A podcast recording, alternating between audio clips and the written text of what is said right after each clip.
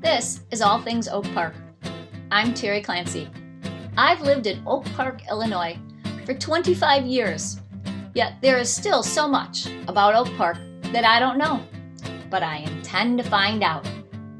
This is a show about the people and places in Oak Park, Illinois, how they got here, why they stay, or what keeps them coming back. Come join me. Hello, everyone. I am glad to be back. Took a little break there, but I am back and hoping to get some great episodes out for the podcast. And today's one is no exception. The interview is with Anthony Pipitone, and Anthony is the owner of my favorite bakery, Oak Park Bakery, over on Oak Park Avenue and Garfield Boulevard. Anthony has owned the bakery for over 25 years and worked in the bakery even longer than that since his dad owned it before him. Anthony talks about the business, owning the bakery, how it was created with the recipes that are used for the bake items, how those are decided, which ones are the best selling ones, and how he's never going to compromise on quality of ingredients. So, I have found out a lot about the bakery, much to my happiness, since I love it, and I expect that you will find the interview equally as entertaining and educational. Take a listen.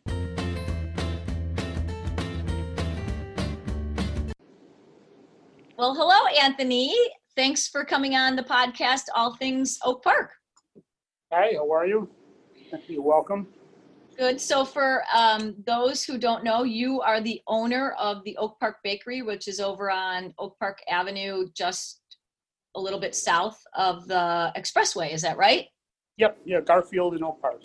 And how long have you owned the bakery? Uh, with our family, it's been about 35 years. Uh, when it was just me and my father, it's been about 26 years. Okay. So, where did you grow up?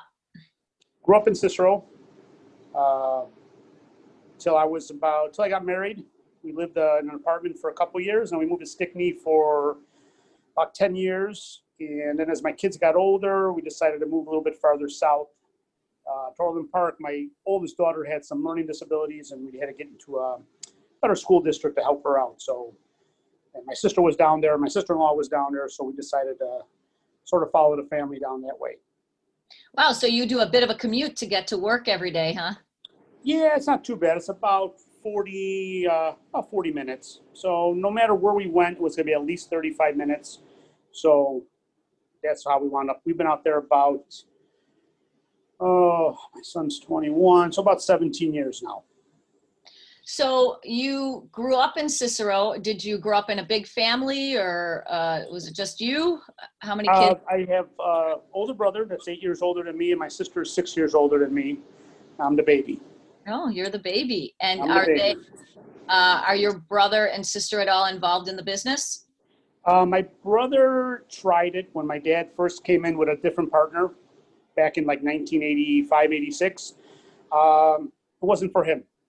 He's more of a salesman, not a hands on kind of guy. So he did it for maybe a year or so and then he got out. Uh, my sister did work in the store for a while back originally, and then she came back when I took over and worked a few more years with us then. And um, she was living in Orland Park too, so it was a little bit too far of a ride for her. So what did your dad do before he owned the bakery? What did he do for work? Uh, bakery. He Oh, when he first came here, he came from Sicily back in the late fifties. Uh, he had an aunt living up on the north side, uh, like North Avenue in Harlem area. So he started washing pans in a uh, Albano bakery, which is gone now. And he started learning the trade a little bit, and then as he improved with the, the trade, he went and worked on the south side at uh, T-Tech Bakery, which is still there, still family owned. It's on uh, Narragansett and Archer.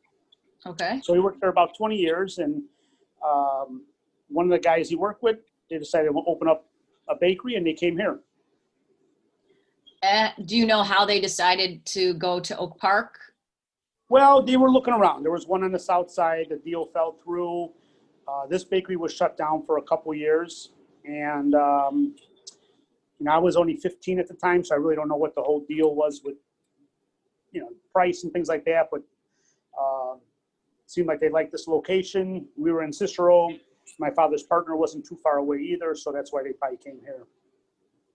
Neat. So, um, w- how were you involved in the beginning as a kid? Were you just going there, you know, to help out? Washing pans, washing Washing pans, cleaning floors. Um, as I started driving, I would come in on Friday nights and start packing coffee cakes and learn a little bit of the trade. And uh, as soon as I graduated, then I went full time. Started doing nights. So the menu that's today, or what do you call it? Um, whatever the the goods that you make. What what's that? Um, yeah, I guess it wouldn't be a. I guess our items are bakery items. Uh, very similar to what um, what we started with. There's a few things we've added. A little bit. We'll bring some different items in, uh, recipes are pretty much the same. So do you think your dad intended to make those really good coffee cakes, or did that just kind of evolve over the course of him owning the bakery? Well, the place they worked at before, they did a lot of coffee cakes. Uh, the previous owner, before we bought it, uh, we had met with him several times, and one of his original bakers stayed with us back in 85, 86 time. And um, he was telling us too that we sell a lot of coffee cakes here, so we try to keep the menu items similar to what the old owner did. So have you uh, come up with new recipes that you try, or how do you decide what to make or what not to make? Or I mean, you keep track of all that stuff, and Yeah, I- like I said, we'll, we'll have our basic stuff.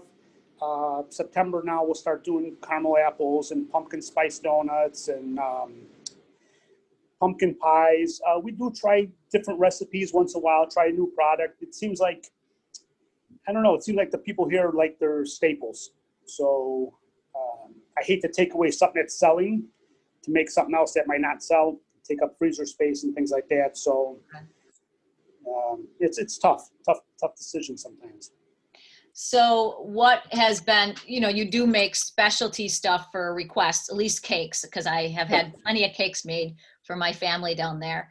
Have you had any really unusual requests or anything notable that you could say was out of the ordinary? Um, we get a lot of requests for, I think, odd items that maybe their family members made years ago. Just, I couldn't even tell you. I'd have to make a book of all the different names of stuff, you know, and they try to explain it to me. And, you know, a lot of it was probably just all home recipes from, you know, handed down from grandma and things like that. So that's probably some of the weirdest requests we get that way. Um, other than that, like I said, our customers are pretty easygoing. You know, they know what we put out and they're happy with it and seems to work. So what's the best selling item that you have in the store? Uh, probably our chocolate cake donuts. Oh, really? Yep, that's probably our number one seller. Uh, right now, with everything going on, everything's out of whack. Oh, No. true, We used to sell a ton of coffee cakes, but because we don't have that morning traffic going down to the city, we lost a lot of that. I mean, we still have coffee cakes every day, but we limit how many we make, cut out a few of the flavors that weren't selling too well. So it's uh, been a rough five months of adjustments. I can imagine. So prior to COVID, what was the typical day in the life of a baker? Well, I mean, our, our hours are cut down a little bit, but you know, product wise, you know, doing all pretty much the same things, but coffee cakes were probably almost double what we normally would put out. Uh, same with our donuts. Our birthday cakes, you know, uh, are all small right now eight inch, nine inch, you know, 10 servings, 12 servings. So, you know, normally we'll be making full sheet cakes that serve 80 people, 12 inch cakes that serve 30, wedding cakes. Um, so you lose all of that. Um, even in our refrigeration case, you know, we used to do like whole cheesecakes and cheesecake slices, but the whole ones aren't going because nobody's taking the big ones to party. So we'll, we're selling much more by the slice now. So, you know, little adjustments here and there on that stuff. Um, you know, in the beginning of this COVID thing, we had a lot of dozens going out for fire departments and police departments and healthcare workers. So that sort of dwindled down a little bit now too. So yeah, it's been uh, very interesting. So what time do you have to get up in the morning if you're baking? Well, I'm lucky. I got the day shift. I got two great guys at night. They come in at 9:30 at night. They're here till about 5:30 in the morning. Uh, I get here about seven, 7:30, and then I'm here till we close at four. And then I have one more baker that works during the day with me too. He's here about same time, seven to three, seven to two, depending on you know what we're doing for the day. So that's kind of an all-night bakery. Uh, It's yeah, it's almost 24 hours a day because the, the cleaning people come in, they're here till about seven, eight o'clock at night. So there's only maybe a couple hours where there's nobody here. So it, it's go go go. so has that always been the case where you're able to come in at more reasonable hour, or were you ever the midnight baker?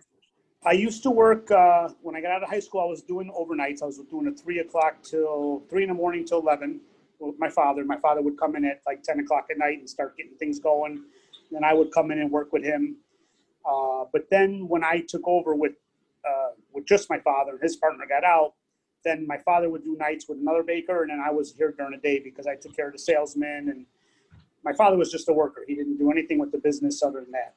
So I had to take care of all that other fun stuff.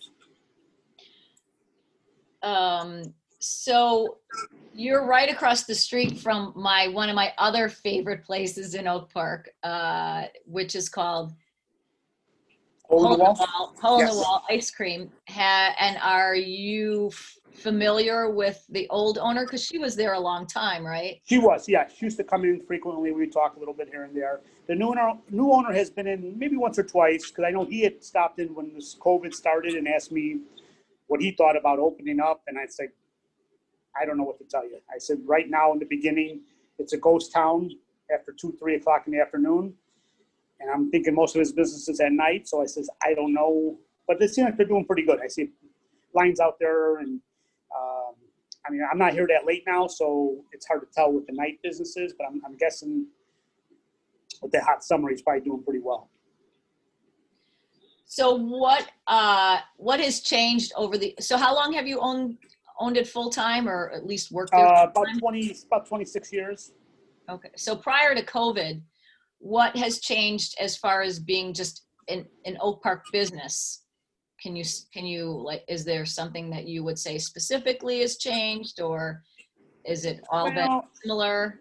I mean, the biggest thing is, is, you know, our sales down. You know, that's like our biggest change from the COVID. Um, you know, all my employees are still working. Uh, product, like I said, we're putting out majority of our product. Um, customers have been great. You know, if it gets a little bit busy, they wait outside. We don't get too many people coming in at once. Uh, most people are wearing their mask and things. So, um, but what has really changed? I mean, that's Well, no, pri- prior to COVID and then go, like, from the time you first got involved in the business full time Oh. to up until like COVID, over those years, what? Um, you know, not much has changed. We lost some of the schools, like, um, because of the allergies and things like that. They can't bring cupcakes, they can't bring the cookies in no more. So that hurts a little bit on the holidays. But people do a lot of home parties for Halloween and stuff like that. So that makes up that. Um, but like I say, overall, I mean, business is pretty steady. Um, you know, years ago, the banks every Saturday would come and take dozens of donuts and sweet rolls, but that's all gone now. Everything's corporate, no more private-owned banks. So you lose a little bit of that. Um, but like I said, our customers are real loyal. So I mean, we're really lucky. We got a great location. You know, when this COVID thing is over, being by the blue line really helps get a lot of foot traffic. And what about the changes in taste and diet and people, you know, eating less, eating more, not wanting butter, not wanting carbs? Is any of that? Yeah, we went uh, years ago when, oh gosh, probably about, I don't even know when the big thing was no carbs, and that started. It hurt us a little bit in the beginning, but you know how people are; they're not going to do it very long. You know, even like uh, we closed after Christmas for about two weeks. Come back in January, everybody's on diets.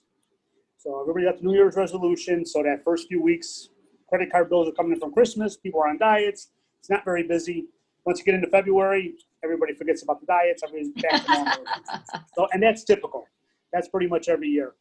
Um, but yeah, I think the biggest thing was the carb thing back.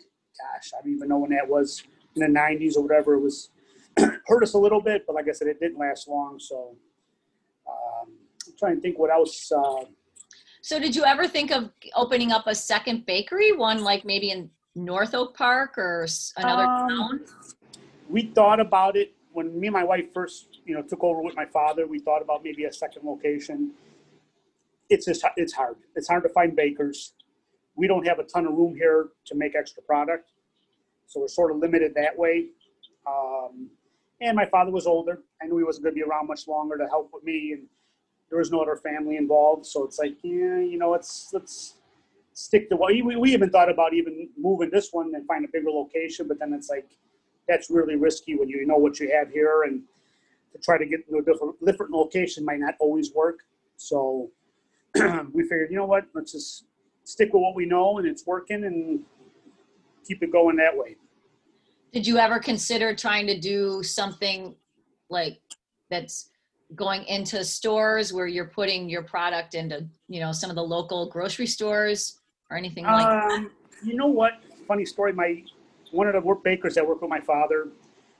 First thing he told me when we took over, he said, "Don't do wholesale and retail. Do one or the other, because your wholesale your quality and wholesale is not going to be the same because they want everything very cheap. So you can't use the butter. You got to use a cheaper filling. To make money, you got to you got to cut the cost somehow. So me and my father decided to just stick strictly to retail. Well, that's good advice. Yeah. Yeah, it works. I mean, like I said, we've been here a long time, and I could see his point because you go into grocery stores and I see, uh, I it was, I don't want to say which name the bakery it was, but it, it's a commercial bakery, and they had a pecan coffee cake, which similar to what we make. But I swear to God, there must have been like ten pecans on the whole coffee cake. It is just ridiculous. So it's like, I, I don't want to do that. I don't want to give us a bad name that way. So that's why we don't do like. Um, um, second day sales on stuff like that either because I'm afraid the customer might buy it at a discount, bring it to somebody's house, and might not tell them they bought it at a discount, and then it's not going to taste the same as getting it fresh. So whatever we don't sell during, you know, this day we donate to food pantries. So what uh, do you do with the leftover product? The food pantries pick it up. Oh, they do. day. Both, most of it goes to Oak Park River Forest Food Pantry, uh, pretty much every day. So. Uh, I hate- yeah, I hate throwing stuff away. So I'm, I'm hoping they, they use it and they've been happy to be getting it over the years. So COVID aside, what advice would you have for a, a young up and coming baker or even just, you know, retail food business person? Since to have gotten it figured out. Well, it's a tough one. It's a tough business. You know, I have three children and they're not going to be involved in the business. It's, it's, it's, it, food business is really, really hard. The overhead, um, Why, not saying it, The margins are thin or what, what's the yeah, reason? it, it, well, because waste, you know, I like donating stuff, but I'd rather have it sold. Right. And you, you just don't know. It's not like a Walmart where if you don't sell today, you sell it tomorrow. Here, if you don't sell it, I mean, weather affects us, um, snow, heavy rain, hot weather. So it's, it's, it's, food business is really hard. I, and I talked to some restaurant people too, and it's tough. It really is tough. But if you love it, you got to do it. You know. So my nephew's he's a he's a cook chef for a restaurant, and, and I, I told him in the beginning, you know, it's, it's a tough business to get into, but he likes it, so you know you, you can't put a price on that. So do you cook or bake at home for your family? Uh, I do not bake at home because I don't have anybody to clean my mess at home. Uh, but I, I do like cooking, mostly barbecuing. Uh, but I, I do help now that I'm getting home early because we close at four instead of six. I you know I could help my wife cooking and things like that. Some days she likes it, some days she don't want me in the kitchen. But uh, uh, I do like I like cooking more than baking because I you, know, you do it all day long. It's like that's the last thing you want to do is take it home with you. Right, exactly. So did you ever consider doing gluten free or any um, allergy Um, type impacted food? we the problem with our situation is uh, when you're doing like anything with allergies, you really need a separate area to make it Oh, because there's flour all over the bakery. There's nut dust, you know, in some areas of the bakery. So it's very hard. We tried doing some sugar-free stuff years ago. Excuse me. It went well in the beginning, but then it, just didn't have enough variety. So it's it's like I said, it's one of those things where you got to make what sells, and I just don't know if I know there's a lot of gluten-free things out there right now. I just don't know how well it would go, and in our situation, I just I wouldn't want to put nobody at risk getting sick. right, right. So, okay, so um, what's the plan in the future? Are you just gonna bake until you can't can't Yeah, make it pretty, anymore? pretty much. what? Yeah, yep. Um, I, I, probably good another ten years or so. I'm guessing. Oh wow, we'll that's see. good for us. yeah, yeah. No, I'm, I, I got I, I got kids in college, so I got a lot of bills to pay. So uh, yeah, probably about ten years. That, that's our hope. But you know, if I'm healthy and I can still do it, I you know, got to have something to do. So you never thought about expanding just even on the block so you could have Eden area for people? Well, the only issue we have, uh, like our next door has switched over a few times businesses, and even the landlord had mentioned, you know, if you want to take it over and maybe make it sit down coffee and things like that. we thought about it, but our issue is vacation. We take three weeks in the summer. We take Oh. two weeks after Christmas. So now you got to think about you're paying double rents. You know, I still got to take my vacation. We got to take our breaks and parking. Parking is horrible here. So that's the other issue. You know, I have a lot of older customers when things are normal that drive by because there's nowhere to park. Oh, so to have sit down and things like that, yeah, you might bring a few more people, and I just don't know. You know, Yeah. if it's worth it. it. It's a tough call. We thought about it a few times. So my wife was thinking maybe do like a sandwich shop and soup, something like that would be nice in the area. But you know, not happening run, running one business is enough headache. Right, true, true.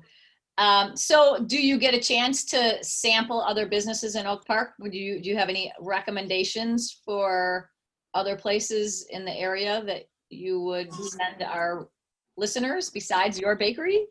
Well, um, honestly, I don't. I, I, the farthest north I get is about the bakery. um, you know, Buona Beef is great. Hole in the Wall is great. Um, trying, yeah, I really haven't. Me and that we're living in Orland Park now. We really don't. My wife has another job, so once in a while she'll come in on Saturdays and help me close up. But if we go anywhere, it's usually closer to home. Okay, So, yeah, but those are definitely two two of my favorites around here. well, Anthony, thank you so much for coming on the show and I love hearing the backstory of the bakery. I hope it lasts forever. My favorite um, item is the almond paste pecan coffee cake. Oh, okay. You never use margarine or any other substitute for butter because I love butter. No way. That's one thing. No matter what the price of product is, I will never. That's. I'd rather raise the price and explain it to the customer than trying to cut the quality. I just don't believe in it. That's the worst thing anybody could do. Uh, yeah, I agree. I agree. I'm a big advocate of. I don't know if you've ever heard of the um, the cookbook writer uh, Ina Garten, and her cookbooks are called the Barefoot Contessa. Oh yeah, yeah, okay. Yeah, she loves butter, kind of in the vein of Julia Child.